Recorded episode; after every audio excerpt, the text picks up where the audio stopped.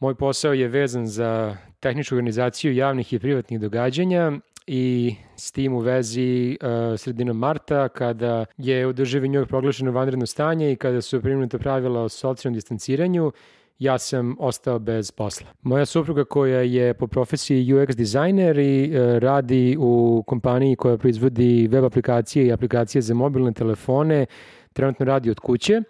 s obzirom da firma za koju ona radi uh, može operacije da izvodi na ovaj način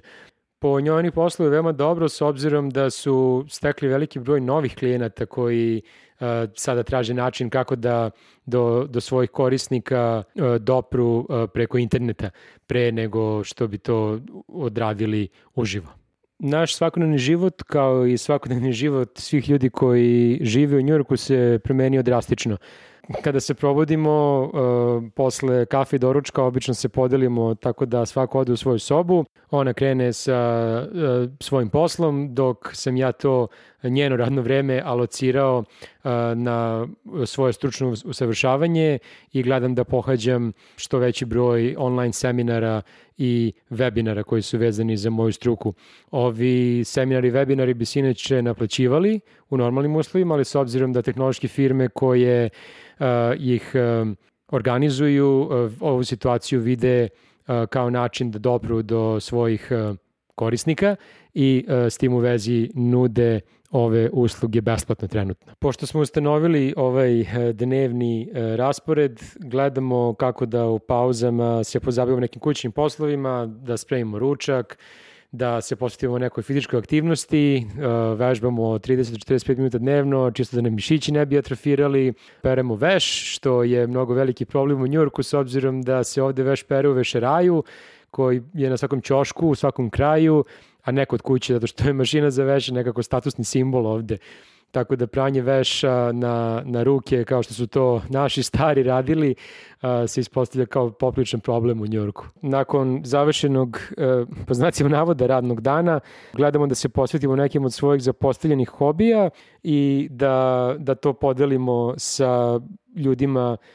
preko nekog video četa. E, sad onaj ne baš uh, lep deo uh, svakodnevnice je razmišljenje i razgovor o tome kako će naši životi izgledati kada budemo dostigli vrh ove epidemije ili dalje kako će izgledati do pronalaženja vakcine. Već sam napomenuo da posao moje supruge za sada nije ugrožen, s druge strane moj posao je veoma ugrožen. Slušajući svakodnevno o otkazivanjima najvećih dešavanja javnih na svetu kao što su olimpijske igre ili Tour de France, često me uhvati um, anksioznost o tome kako, kako će moj posao i kako ću ja svoje sposobnosti i svoje znanje uh, uspeti u tom nekom novom svetskom poredku da upotrebim. To je nešto što ovde možemo da čujemo i od političara i, i naučnika, da svakodnevnica na koju smo navikli pre pandemije vrlo verovatno neće više postojati i da pokušavamo da tražimo načine